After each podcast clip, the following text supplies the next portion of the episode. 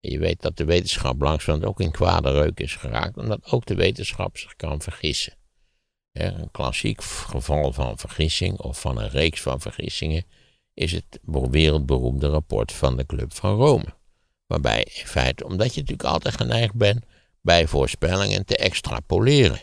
dus ik zou zeggen, het gebruik van eh, mobiele telefoons neemt jaar op jaar met zoveel procent toe, dan zal dat wel zo blijven. Dat weten we niet. Nee. Vaak, het zijn vaak trendmatige ontwikkelingen die ook onderbroken kunnen worden. Het verlossen, kunt u mij horen?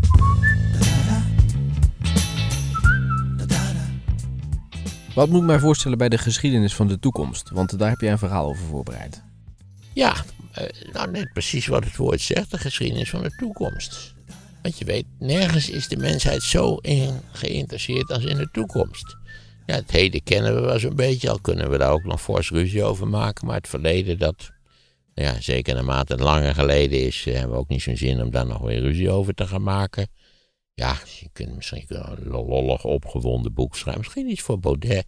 Niet als hij wat meer vrije tijd krijgt, dat hij een boek schrijft dat Hitler toch gewonnen heeft in de Tweede Wereldoorlog. Zoiets in die geest.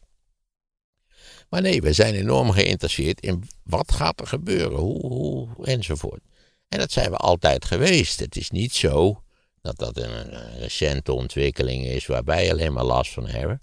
En nee, we zijn altijd geïnteresseerd geweest in wat er in de toekomst gaat gebeuren. Dus zijn er altijd mensen geweest die claimden dat zij konden voorspellen hoe die toekomst eruit gaat zien. En het overgrote deel van die claims is natuurlijk 100% flauwekul, laten we dat nou maar eerlijk zeggen. Want dat is allemaal de astrologie-rubriek in tijdschriften. Dat is de glazen bol, dat is Nostradamus, dat is, uh, nou ja, zoals de Romeinen het deden, niet waar, zoals de vogels vliegen, zoals de wolken uh, over, overkomen. Nou ja, dat zijn alle mogelijke en dat je, dat je zoals de stokjes zijn gevallen, dat zijn alle mogelijke manieren waaruit mensen dan, of de ingewanden van schapen, je, nou ja, dit, op dit terrein is er, een, is er een onbeschrijfelijk aantal mogelijkheden. Dat is allemaal 100% flauwekul.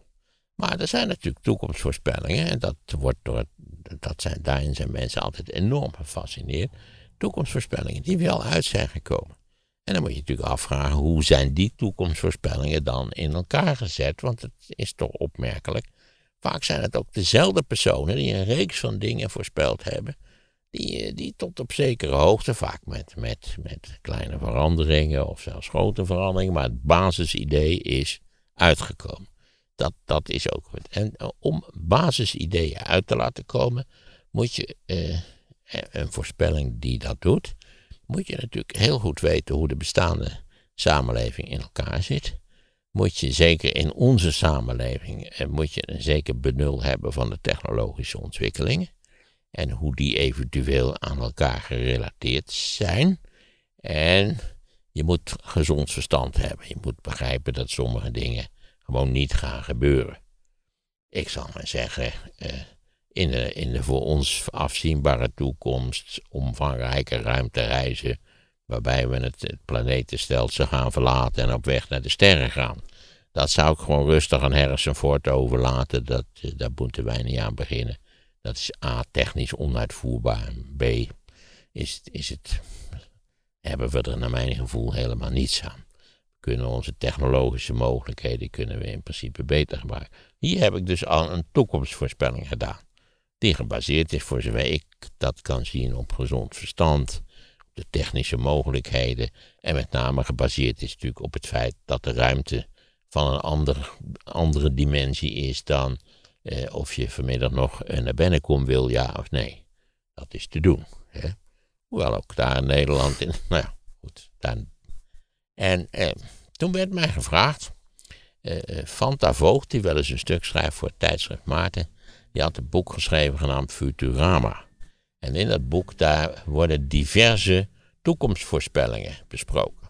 Sommige toekomstvoorspellingen die uit zijn gekomen, maar ook toekomstvoorspellingen waar je misschien op het eerste gedicht zou denken, nou, dat is misschien nog niet zo'n gek idee. Ik herinner mij bijvoorbeeld een hoofdstuk over regenmakerij. Hoe maak je regen? Vooral in gebieden waar het nooit regent is dat natuurlijk heel nuttig om te weten zijn alle ideeën in de loop der jaren ontwikkeld om om bepaalde eh, spullen daarboven te schieten, waardoor, laten we zeggen, dat die, die waterdamp gaat condenseren en in de vorm van druppeltjes naar beneden valt. En in het bijzonder denk je natuurlijk als Donald Duck liefhebber aan het fameuze verhaal Donald Duck als regenmaker. Magnifiek verhaal. Ontzettend geestig afloop. Maar goed, kan het iedereen aanvullen. Een verhaal gemaakt door Karl Barks, Donald Duck als regenmaker. Alle vroege Donald Duck verhalen zijn meesterlijk, zonder uitzondering eigenlijk. Ik nam even een slokje water. Als iemand voorspeld had dat je voor doodgewoon kraanwater, dat je dat in, een, in plastic flesjes zou worden afgeleverd waarvoor dik betaald moet worden, dan zou iedereen gezegd hebben dat je niet goed snik was. Lijkt mij. Ik weet niet of dat voorspeld is. Het is ook een karton Waarschijnlijk is hè? het voorspeld in, in streken natuurlijk waar de kwaliteit van het water zo beroerd is. Dat je wel gedwongen bent om speciaal water te gebruiken voor deze en gene zaken. Ik herinner mij mijn eigen familie. Die eh, woonde in Delft. En daar was het water zo onbeschrijfelijk belazerd. Dat mijn tante die in Den Haag werkte. Dat die altijd een paar flessen Haags water meenam om de thee mee te zetten. Want je kon geen thee zetten met Delfts water. Ik weet niet hoe dat nu is overigens, zie je maar weer. Want ja, mijn familie die daar woonde, die is al lang naar eh, gaan hemelen. Dus ja, je kunt... En toen had Fanta Voogd, de schrijver van het boek, aan mij gevraagd... weer een inleiding schrijven. Dus toen dacht ik, oké, ik schrijf een inleiding... waarin ik probeer uit te leggen waarom sommige voorspellingen eh, wel uitkomen. En waarin ik ook nog gesignaleerd heb dat ook voorspellingen die helemaal niet zijn uitgekomen ook heel interessant zijn. Omdat je dan moet afvragen, waarom is het niet uitgekomen? Of maar heel gedeeltelijk uitgekomen. En een klassieke voorspelling van de late 19e eeuw is, is rollende trottoirs. dus dat, het, dat je hier niet een vast trottoir hebt, maar het, het, beweegt. Nou, dat is er dus niet van gekomen, zoals je weet. Dat zou ook nogal vrij ingewikkeld zijn geweest.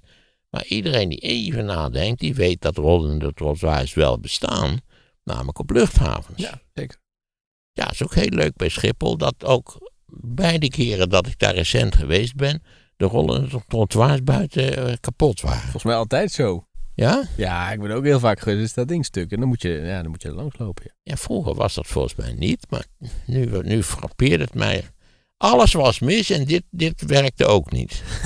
en wat voor iemand die natuurlijk van mijn constitutie is het ook niet fijn om dan eens even lekker door te moeten lopen. Ga je dan stilstaan op dat ding of, of ga je dan wel wandelen op die rollende? Ja, dat is ook. Ik sta altijd stil. Waar is dat ding anders voor? Dat ik stil kan staan. Ja, anders loop je natuurlijk veel nee, sneller. Nee, jij van die mensen die komen in een soort van, van hardlooptempo komen die voorbij zetten. Ja. het mankeert hem aan dat ze toet toet roepen. of je moet ook rechts houden, hè? Ja, dat klopt, ja. Je wordt ook wel eens toegevraagd, je moet rechts houden, hè? Die mensen hebben zo'n verschrikkelijke haast. Dat, uh, nou ja, goed. Dus roltrottoirs, ja, dat blijkt een hele beperkte oplossing te zijn voor een beperkt probleem. Maar niet in brede zin een oplossing voor een breed probleem. Dus ik vroeg me af, hoe kun je nou behoorlijk voorspellen wat er, wat er gaat gebeuren? Kun je daar voorbeelden van geven? En ja, die kan je geven. Ik had als voorbeeld gegeven Jules Verne. En Jules Verne is geboren in 1828 en is overleden in 1905. En Jules Verne is, staat natuurlijk bekend als iemand die, die nou, vrijwel, nou, vrijwel alles, dat is nou heel sterk gezegd, omdat natuurlijk alle voorspellers van de 19e eeuw hebben natuurlijk de microelektronica niet voorspeld. Die hebben van alles en nog wat voorspeld, zoals we zo zullen zien maar niet de microelektronica. Daar konden ze eigenlijk geen, geen voorstelling van maken. Hè? Zelfs, zelfs toen de transistor ontdekt werd, hebben ze nog een hele tijd moeten nadenken hoe ze uh, miljarden transistors op een, op een soort minimaal plaatje van silicium zouden kunnen bakken. Dat is natuurlijk nou, wat in de afgelopen decennia ontwikkeld is. Dat, was denk ik in de 19e eeuw volkomen onvoorspelbaar. Maar we zullen zien, een aantal dingen waren heel goed te voorspellen al in de 19e eeuw. En waarom is Jules Verne zo interessant natuurlijk? Omdat vanuit het perspectief van, van laten we zeggen, ingrijpende maatschappelijke veranderingen, ingrijpende technische vorderingen en vooruitgang, het doorgronden ook van waarom dingen werken of niet werken. Denk aan Maxwell met zijn, met zo'n, met zijn theorie over het elektromagnetisme. Hè, eh, golf is, een, is ook, eh, licht is een, is een verschijnsel van het elektromagnetisme. Ultraviolet licht is een gigantisch spectrum, per slotverrekening, waardoor Maxwell ook voorspelt dat er allerlei vormen waren die wij helemaal niet kenden, maar die wel degelijk bruikbaar zijn en die we hebben opgezocht, omdat Maxwell had gezegd, het is er. Nou is die niet erg oud geworden, maar dat Maxwell is toch wel, denk ik, eh, nou ja, moet ik ging nou zeggen, de grootste natuurkundige van de 19e eeuw, maar dat komt toch wel in de buurt. Het is wel leuk om te weten dat Albert Einstein had qua collega's een foto op zijn bureau staan van Newton. Wat natuurlijk voor de hand ligt. Ik bedoel, de eerste die sowieso iets van, van nou ja, de natuurwetten en de mathematica die daarbij past had bedacht. En die wat doorgrond, laten we het zo zeggen. Maar ook in die eeuw wel andere, maar toch, Newton is wel, steekt er wel bovenuit. En een portret van Maxwell. Stand op, op uh, Einsteins bureau. Het is ook lollig dat, nou lollig, uh, Jules Verne overlijdt in, twee, in 1905. Het jaar van de, uh, van de bijzondere relativiteitstheorie. dan, dan hebben we eigenlijk, we doorgronden de natuur tot, tot, tot, nou ja, nog niet steeds niet helemaal, want ook het, het, het, standaardmodel vertoont ook allerlei rare scheuren en, en, en, en, en bevingen, zal ik maar zeggen. Maar goed, uh, we hebben toch op het niveau wat bruikbaar is, hebben we een aardig idee hoe het ongeveer werkt. Um, dus mijn idee was eigenlijk, kijk nou naar Jules Verne. Want Jules Verne is iemand die, overigens was Jules Verne een aardsconservatieve man getrouwd met een aardsconservatieve vrouw. Ja, je denkt altijd, die man zou wel allerlei progressieve ideeën hebben gehad, maar die had hij helemaal niet. Hij woonde in een Franse provincieplaats en is altijd aardsconservatief gebleven. Hij heeft een fenomenaal negatief futuristisch boek geschreven over Parijs in de 20e eeuw. Wat zo pessimistisch was dat zijn uitgever, die goud geld aan Jules Verne verdiend heeft, dat zijn uitgever zei: Ik heb geen zin om dat, om dat te publiceren. Dat is veel te, veel te negatief. Dat gaan we niet doen. Dat vinden de lezers niet leuk. En dat boek is pas uh, een jaar of 10, 15 geleden gepubliceerd. Waarom was het zo negatief dan? Wat, wat zat daarin? Nou, het gaat eigenlijk over een jongen met, met, met dichterlijke eigenschappen, poëtische gevoelens. En Parijs is een drukke stad geworden met allerlei transportmiddelen, met, met explosiemotors. En ja, een beetje wat, wat ook daadwerkelijk gebeurd is. Maar misschien is, kun je het best een poëtische ziel combineren met een drukke wereldstad. Ik denk zelfs eigenlijk dat, dat een poëtische ziel in Amsterdam eh, meer ruimte heeft dan in Winterswijk. Maar dat, dat, ik weet niet of ik niet nu een heel akelige karakteristiek van Winterswijk in mijn hoofd heb zitten, maar ik denk dat dat zo is. In die zin is dat, dat boek van, van maar goed, iedereen kan het lezen. Je kunt het op het internet zo te pakken krijgen. Uh, en voor de rest heeft Jules Verne natuurlijk van alles en nog wat voorspeld, wat ook daadwerkelijk is uitgekomen. En daar is een reden voor. En die reden is eigenlijk dat Jules Verne eh, gezond verstand had, onbeschrijfelijk ijverig was, een heel redelijk inzicht had in, laten we zeggen, technische ontwikkelingen, waardoor hij ook kon uitleggen wat eventueel de consequenties daarvan zouden zijn. Wat was zijn achtergrond?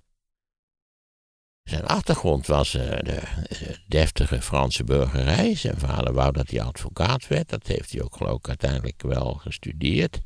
Hij heeft zelfs een paar jaar aan de beurs gewerkt. Omdat ja, je moet het schrijven natuurlijk starten. En dan tenslotte eh, ja, ontdekte hij eigenlijk een, een, fantastische formule. Namelijk de, de, de bekende Jules Verne avonturen die een heel interessante mix zijn van, van avontuurlijke gebeurtenissen, spanning en sensatie aan de ene kant en ik heb laatst gelezen wat, wat de Apple eraan verdient en wat de Chinezen eraan verdienen. En dan moet je toch ook als Chinees denken, we doen iets fout. Dit moet op korte termijn moet dit veranderd worden. Want dit is wel een hele onrechtvaardige zaak. En dat is het ook in allerlei opzichten. Maarten over de geschiedenis van China. Wat zich voltrekt in China en India en andere Aziatische landen... is niet meer dan een onderdeel van datzelfde enorme proces... wat ooit begonnen is tussen 1690 en 1750. Download het luisterboek via de link in de show notes. En de verlatenen. En het geheimzinnige eiland daarvan, de kern van dat verhaal is, is dat een aantal Amerikanen die sympathiseerden met de noordelijke zaak, gevangen werden gehouden in Richmond. Op een winderige nacht stelen ze een luchtballon. En die luchtballon, ze hoopten dat ze met de luchtballon naar het noorden zouden drijven, maar die luchtballon komt in een orkaan terecht en je begrijpt het al, zij landen op een onbewoond eiland in de Stille Oceaan. En de crux van die twee boeken is, afgezien van al die avonturen, wat al mijn zeerovers invoer, en eh, dieren, gevaarlijke dieren, nou, van alles en nog wat. Maar de crux van het verhaal is dat die Amerikanen in eendrachtige samenwerking bouwen ze eigenlijk een hele moderne beschaving op. Ze bouwen een telegraaf, ze kweken koren, eh, ze maken explosieven. En dat komt dat ze geleid worden door een ingenieur. Die, dat, hè, de ingenieur is de leider van de groep. En uiteindelijk blijkt, het eiland wordt opgeblazen, het is een vulkanisch eiland. Uiteindelijk blijkt dat ze waren in de loop der tijden dat ze daar waren, hadden ze wel sommige dingen die ze ja, niet zelf konden maken. Dus ja, daar zaten ze een beetje mee. En daar praten ze dan over en dan vinden ze altijd de volgende dag een kist op het strand waar al die spullen in zitten. En hoe kon dat nou zo? dat was niet onze lieve heer, dat was kapitein Nemo. Die in zijn elektrische superduikboot uh, in feite in een grot onder dat eiland bivakkeerde. Nadat hij met zijn reizen was opgehouden. En dat verwijst weer naar die beide boeken, 20.000 mijl onderzee, oostelijk en westelijk halfrond. Waar je enorm veel opsteekt over hoe dat allemaal in elkaar zit. En eh, die elektrische duikboot was natuurlijk helemaal geen slecht idee. Dat had Jules Verne weer opgepikt bij een bezoek aan de wereldtentoonstelling. Dus, en dat is eigenlijk, denk ik, de kern waarom Jules Verne heel veel dingen, eh, laat maar redelijk voorspeld heeft. Je kunt zeggen, ja, die, dat die toch naar de maan, dat, dat, dat, die, dat die dingen worden afgeschoten met een soort superkanon. Maar de Saturnus-raket is eigenlijk, als je er even over nadenkt, ook een soort superkanon.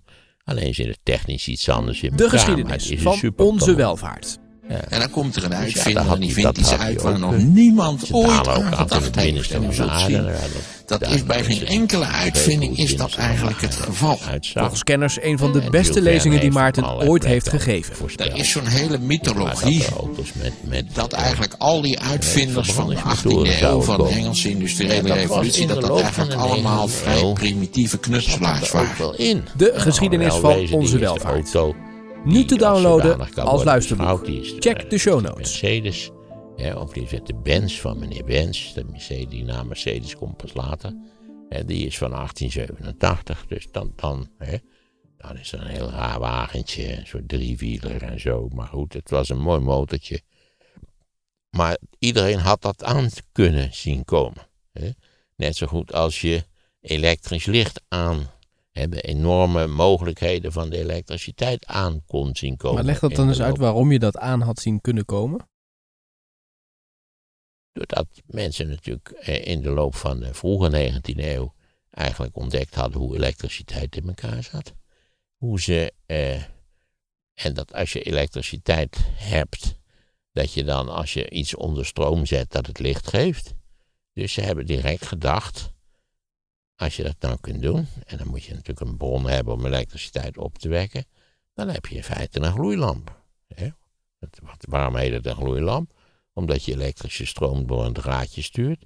En dat draadje vanwege de weerstand wordt warm en gaat gloeien en maakt dus licht. Nou is de klassieke gloeilamp. Ze hebben eindeloos gestudeerd op wat het juiste gloeidraadje zou zijn. Maar het idee bestond al lang en, en, en er waren allerlei mensen die aan dat idee hebben gewerkt. Omdat op het moment dat je begrijpt dat je met elektrische stroom niet waar, weerstand op kunt wekken in een draadje. En als er een weerstand is, wordt het warm. En als het warm wordt, gaat het licht uitstralen. want je weet, alles wat warm wordt, gaat licht uitstralen. Ja, het moet sommige opzitten wel heel warm worden, maar op zichzelf is dat wat er gebeurt. Sterker nog, naarmate het warmer wordt, neemt ook de aard van het licht wat er uitgestraald wordt, die, die, die verandert. Hè. Heel, denk aan zo'n zo'n lasbrander bijvoorbeeld. Hè. Dat kan een heel piemelig uh, oranje vlammetje uitkomen. Maar als je even flink gas geeft, zal ik maar zeggen, dan wordt het zo'n hele lichtblauwe vlam. En daar kun je aan zien dat het, je beter je vinger er niet in kunt steken. Laten we het zo zeggen. Nou, je ziet hoe een kaars brandt. Dat is een, hele, relatief lage temperatuur. Dus ja, uiteindelijk is, heeft iemand, namelijk Edison, heeft een gloeidraadje gevonden. Wat eigenlijk ook een, uiteindelijk ook niet, niet erg duurzaam bleek te zijn. Pas in het begin van de 20e eeuw hebben ze wolfram ontdekt. En wolfram bleek een gloeidraadje te zijn wat lang meegaat. Ondertussen hebben we helemaal van de gloeilamp afgestapt, want de gloeilamp had natuurlijk een beetje eigenaardige eigenschap. Namelijk dat ik geloof 80% van de gebruikte energie werd, op, werd gebruikt om warmte op te wekken en slechts 20% om licht mee te maken. Maar als je natuurlijk eenmaal een elektrische lamp hebt, dan is de volgende stap heel makkelijk te voorspellen. Wat Edison, die dat gloeidraadje had eh, uitgevonden, of althans zijn laboratorium, en dan zegt Edison, ja, dan moet je wel, je moet wel opwekkingsfabrieken hebben voor elektriciteit. Dus daar is hij ook mee begonnen. En je weet dat de elektriciteitsmaatschappij in New York heet nog steeds de Edison Company. Hè? Geheel terecht natuurlijk. En dan, ja, dan kun je wel nagaan, als je eenmaal elektriciteit hebt, dan moet er in elk huis uiteindelijk een aansluiting worden gemaakt. Je kunt het vertalen eigenlijk ook naar deze tijd. We hebben het nu over elektrisch rijden. Je kunt voorspellen, we hebben nu al een elektrische auto met zo'n actieradius. wat de vervolg en, en, nou ja, zodra iemand natuurlijk er echt verstand van begon te krijgen, begreep je ook, begreep je ook dat je een elektromotor kunt bouwen. En niet voor niks heette Tesla naar Tesla. Tesla was een, ik geloof Tsjechisch, kijk, kan ook Breems, dat weet ik niet, maar goed, dat kwam uit die contraien. En, en Tesla had natuurkunde gestudeerd. Hij vond Edison ook een pruts van hij niet begreep wat hij precies deed, maar hij wist wat hij deed. En ik denk dat Tesla, ja, die heeft volgens mij de eerste wisselstroommotor ontworpen. En nou ja, een elektromotor is een, is een superieur ding, maar je hebt wel elektriciteit nodig. En je weet, iedereen weet nu, je kunt van alles gaan voorspellen als je wil. Dat gebeurt al lang. En dat is natuurlijk omdat de elektriciteit zo bar slecht eh, op, op te, moet je zeggen, te bewaren valt. Ja. Jij zei ook, de, uh, volgens mij zei dat voor onze podcast in Tivoli, Musk is helemaal niet de oprichter van Tesla. Hè? Dat is... Nee, dat, Tesla is door andere mensen opgericht. Ik weet niet of die superieure techniek toen al aanwezig was daar, dat denk ik. Heb altijd begrepen, al begrijp ik zelf niet precies hoe het werkt, dat ook dat motorontwerp dat dat eh, van, van bijzondere kwaliteit is. Uh, dus ja, niet voor niks. Nog steeds eigenlijk heel efficiënt uh, de elektriciteit gebruikt. Dat lees je ook vaak over Tesla's, dat ze ook, ook nog steeds eigenlijk een vrij ruime actieradius hebben vergeleken met andere auto's. En natuurlijk dat met name de Tesla 3 natuurlijk is een auto met een hele goede stroomlijn. Wat ontzettend jammer is, is dat we nu allemaal Duitse reuze SUV's krijgen die elektrisch worden aangedreven. Maar ja, dan denk je van, hebben ze een efficiënt aandrijfsysteem? En dan bouw je zo'n elefant, elefant, ik bedoel olifantachtige auto. Dat moet je niet doen. Dat is voor grote gezinnen. Hè? Als je veel kinderen hebt, moet je die wel mee kunnen nemen. Nou, het zijn wel een soort monsters. Zo'n Audi, zo'n grote Audi SUV, dat, dat moet je niet doen.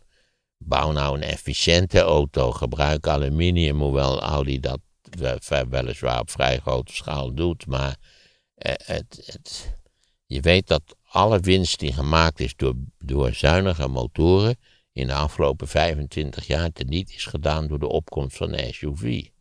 In allerlei opzichten een ongelooflijk onpraktische auto. Je kunt een veel praktische auto bouwen, zeg maar gewoon een stationcar. Dat is een soort van busjesachtig ding. Er zijn allerlei mogelijkheden, maar we zijn enorm afgedwaald. Ja, we waren bij Jules. We waren bij Jules Verne. En Jules Verne heeft van alles en nog wat voorspeld. En de reden dat hij dat kon doen, was naar mijn idee dat hij A. gezond verstand had, B. goed op de hoogte was. Dus dat hij niet zei: je moet in de glazen bol kijken, of je moet je de lijnen in je hand bestuderen, of hoe de vogels vliegen. Of kaarten leggen. Dat is de kaart leggen, precies. Dat is allemaal pure flauwekul.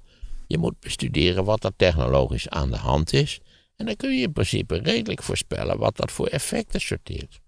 Ik zou maar zeggen, de telegraaf werd uitgevonden in de jaren 40 van de 19e eeuw. En daar is ook een, werd ook een communicatiesysteem bij bedacht door meneer Morse. In feite niet een onverdienstelijke schilder, dus je ziet van meerdere markten thuis. Als je dat natuurlijk eenmaal hebt, dan begrijp je ook wel, daar hoef je helemaal geen genie voor te zijn, dat je daarmee een netwerk op kunt bouwen. dat het eigenlijk pas nut heeft als er een omvangrijk netwerk is. Je bedoelt een netwerk van mensen?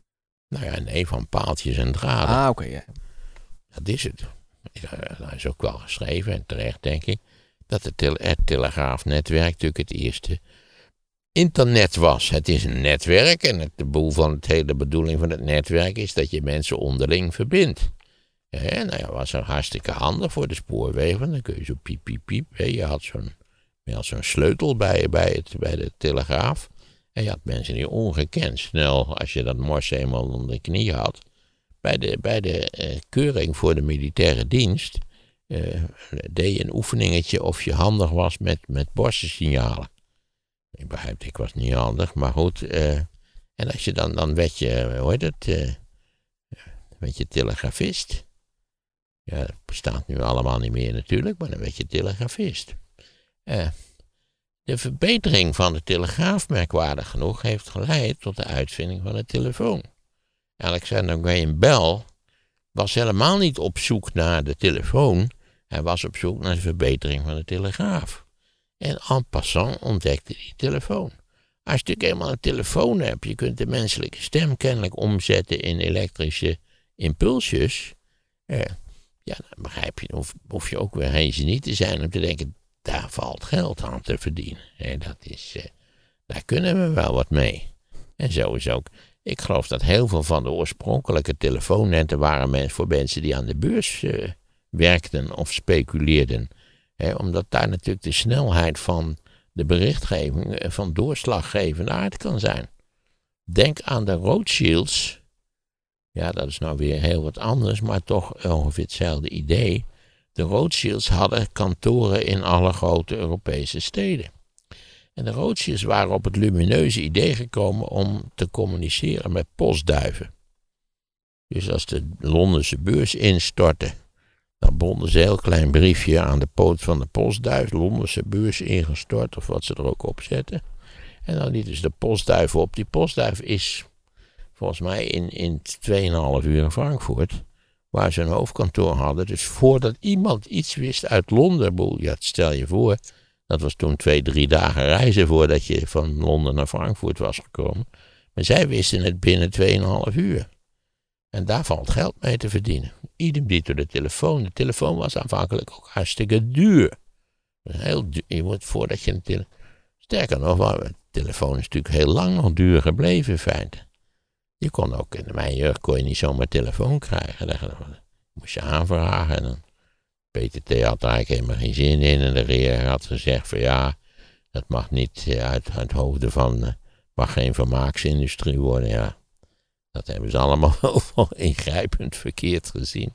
Ik denk eigenlijk dat de revolutie in de telefonie, dat, dat, eh, dus met die, met die uh, mobiele telefoons en zo, nou weet ik niet precies wanneer dat gebeurt, zo jaren negentig. Eigenlijk de, de, de schraalheid van normale ouderwetse telefoonaansluitingen, die was eigenlijk net pas voorbij. Ja, je had, was bijvoorbeeld voor huisartsen rampzalig, want die moesten vaak hun, hele praktijk runnen uit een telefooncel die 100 meter verder stond. Dus daar moesten ze een lief meisje inzetten, een assistente. En die moest vanuit de telefooncel de praktijk runnen. Zulke dingen gebeurden in Nederland. Ja. Mijn Amerikaanse familie kwam wel eens op bezoek en dat je in Nederland dat je jaren moest wachten op een telefoonaansluiting. Nou, dat, dat leidde tot veel hilariteit. Je kon daar altijd op elk denkbaar moment een telefoonaansluiting krijgen. Van alle denkbare soorten, kleuren, lange snoeren, korte snoeren. Nou ja, ga zo maar door. Eh, dus ja, dat, de, crux van het voorspellen is dat je er verstand van hebt. Dus niet met de kaarten, niet met de glazen bol, dat je er verstand van hebt. Dat je bovendien inderdaad bent, in staat bent om systematisch na te denken over wat zijn nou de mogelijke gevolgen van een dergelijke uitvinding. Vaak worden natuurlijk ook de mogelijke gevolgen schromelijk overdreven. Dat is de andere kant van de zaak, is dat je moet wel je gezonde verstand gebruiken. En dat kon Jules Verne heel goed. Want er zijn een aantal dingen waarbij, nou je weet ook, nu worden allerlei wilde voorspellingen gedaan over ruimtereizen, artificial intelligence. Als je dat nader beschouwt, dan denk je, ja, daar zitten allerlei unieke mogelijkheden in. Maar niet die wilde dingen, dus dat, nee. dat de, de robots de macht gaan overnemen. En maar dat soort van uh, kletspraatjes wat je vaak hoort. Dan zat ik naar een podcast te luisteren die heet Even Samengevat. En die gaat over technologie en innovatie. En, en ook over ESG.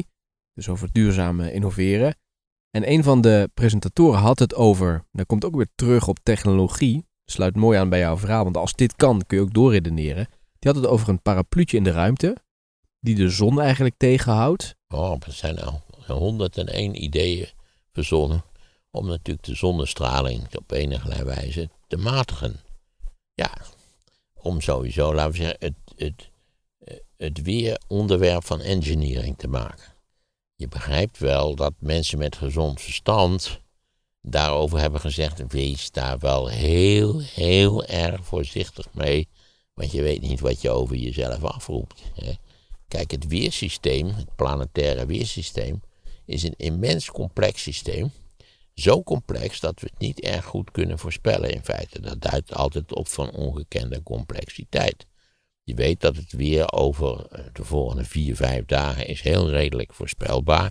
Dan weten ze waar de depressies hangen en, de fronten en allemaal dat soort van dingen. En je weet dat je zelf enorm kunt scoren in je familie.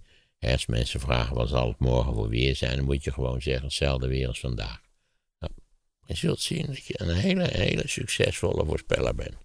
omdat het natuurlijk niet, ja, het kan wel ineens omslaan, maar dat kan iedereen gebeuren. En met het KNMI vergis zich ook wel. Maar het weer over maanden, of het idee dat iemand zou weten of de komende winter streng wordt, ja of nee. Je hebt natuurlijk allerlei mensen die, zoals ik, nu ik net voor de lol over die eikels heb gehad, die dit soort van, ja, dat is zus of zo, of de, de vogels trekken vroeger weg, of eh, nou ja, kan, kan van alles en nog wat wezen. Maar of dat iets zegt, dat is zeer de vraag. Ik denk eerlijk gezegd van niet. Dus je kunt altijd voorspellen dat er een winter komt na de herfst. En je kunt altijd voorspellen dat er na de winter een voorjaar komt. Maar hoe streng de winter zal zijn, nee, precies. hoe herfstig de dagen in december zullen worden, hoe vroeg het voorjaar invalt, daar valt in feite geen voor. En daar kun je aan zien hoe ingewikkeld het weersysteem is. Want ik garandeer je, ook hier bij het KNMI, er staat een computer waar je u tegen zegt. Echt een gigantisch, hypermodern, snel rekenend ding. Maar we kunnen dat dus niet in feite. We kunnen niet over de langere termijn het weer voorspellen. Nee. Maar de kern van het verhaal van wat jij vertelt en het voorbeeld wat ik aanhaalde, is dat technologie uiteindelijk de oplossing is van heel veel dingen. Ook bijvoorbeeld van die klimaatverandering wordt gedacht, eh, technologie gaat ons zo meteen helpen. Eh, het is natuurlijk nog sterker wat, dat er überhaupt klimaatverandering is en wat de waarschijnlijke oorzaak daarvan is. Dat is allemaal natuurlijk gebaseerd op wetenschappelijk onderzoek, op meetreeksen van over langere termijn. Nou ja, daar heb je apparatuur voor nodig. En dan moet je nog uitzien te maken, niet waar, wat de oorzaken zijn van die, van die opwarming. Hangt dat misschien samen met de intensiteit van de zon die kan veranderen? Dat is in de loop der jaren ook wel gebeurd. Of heeft dat toch te maken met, zoals wij nu denken, met de CO2-uitstoot? Eh, ja, dat, dat, moet, dat, is allemaal, dat is allemaal uiteindelijk gebaseerd op wetenschap. Maar ja, je weet dat de wetenschap langzamerhand ook in kwade reuk is geraakt, omdat ook de wetenschap zich kan vergissen. Een klassiek geval van vergissing of van een reeks van vergissingen is het wereldberoemde rapport van de Club van Rome. Waarbij in feite, omdat je natuurlijk altijd geneigd bent bij voorspellingen te extrapoleren. dus ik zou zeggen, het gebruik van eh, mobiele telefoons neemt jaar op jaar met zoveel procent toe dan zal dat wel zo blijven. Dat weten we niet. Nee. Vaak, het zijn vaak trendmatige ontwikkelingen die ook onderbroken kunnen worden. Je hebt die beroemde voorspellingen van het, dat elke twee jaar het aantal uh, schakelingen op chips verdubbelt of zoiets dergelijks. Ik weet niet precies wat de getal is, maar nou ja, broeidag houdt het natuurlijk op, omdat dat er grenzen zijn aan, laten we zeggen, de miniaturisering. Dus ja, uh, extrapolatie is vaak hartstikke handig. En je moet het vooral doen om te vermijden dat sommige dingen totaal uit de hand lopen. Nou ja, neem nou bijvoorbeeld eh, onze regering. Die zou misschien iets meer werk hebben moeten maken van extrapolatie van groeiende problemen. dan hadden we veel eerder kunnen ingrijpen in het uit de hand lopen van die problemen.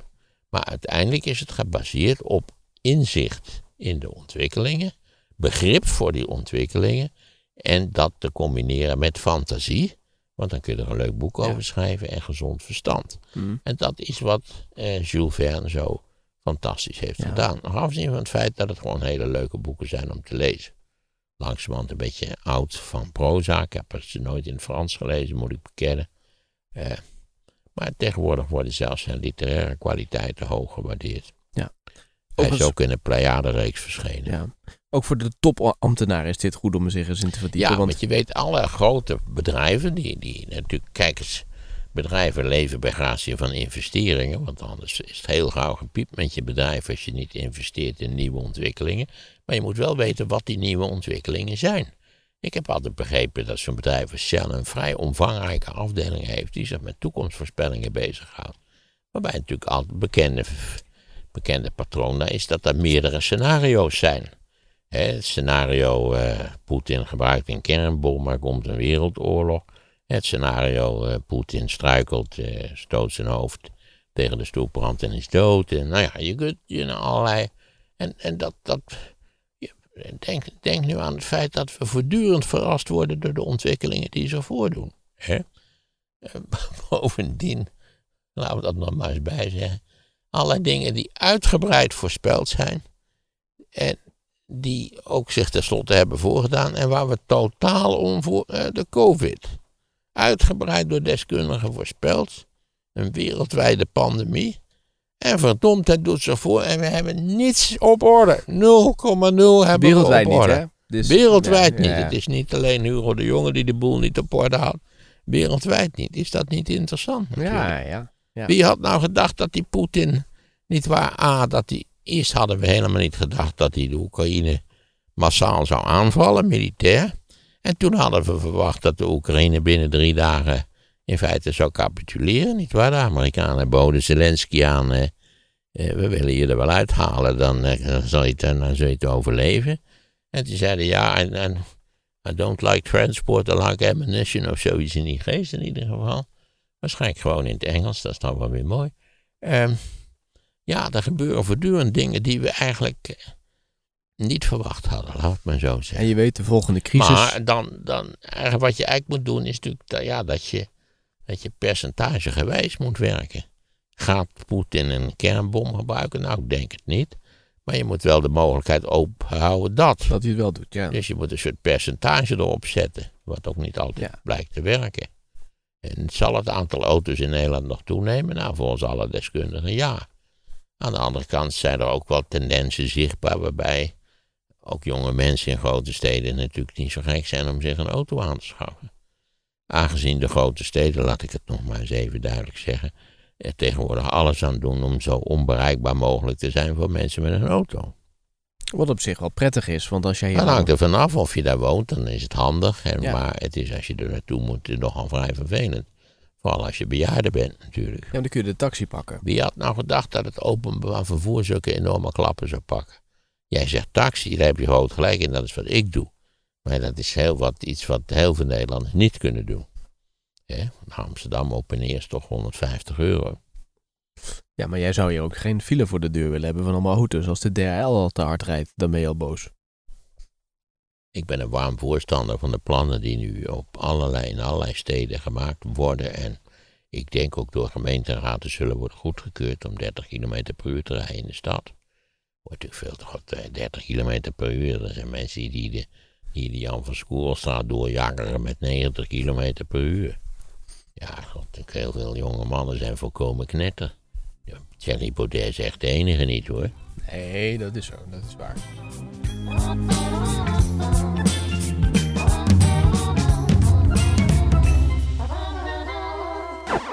Daar krijgen we nu een fascistische vrouw.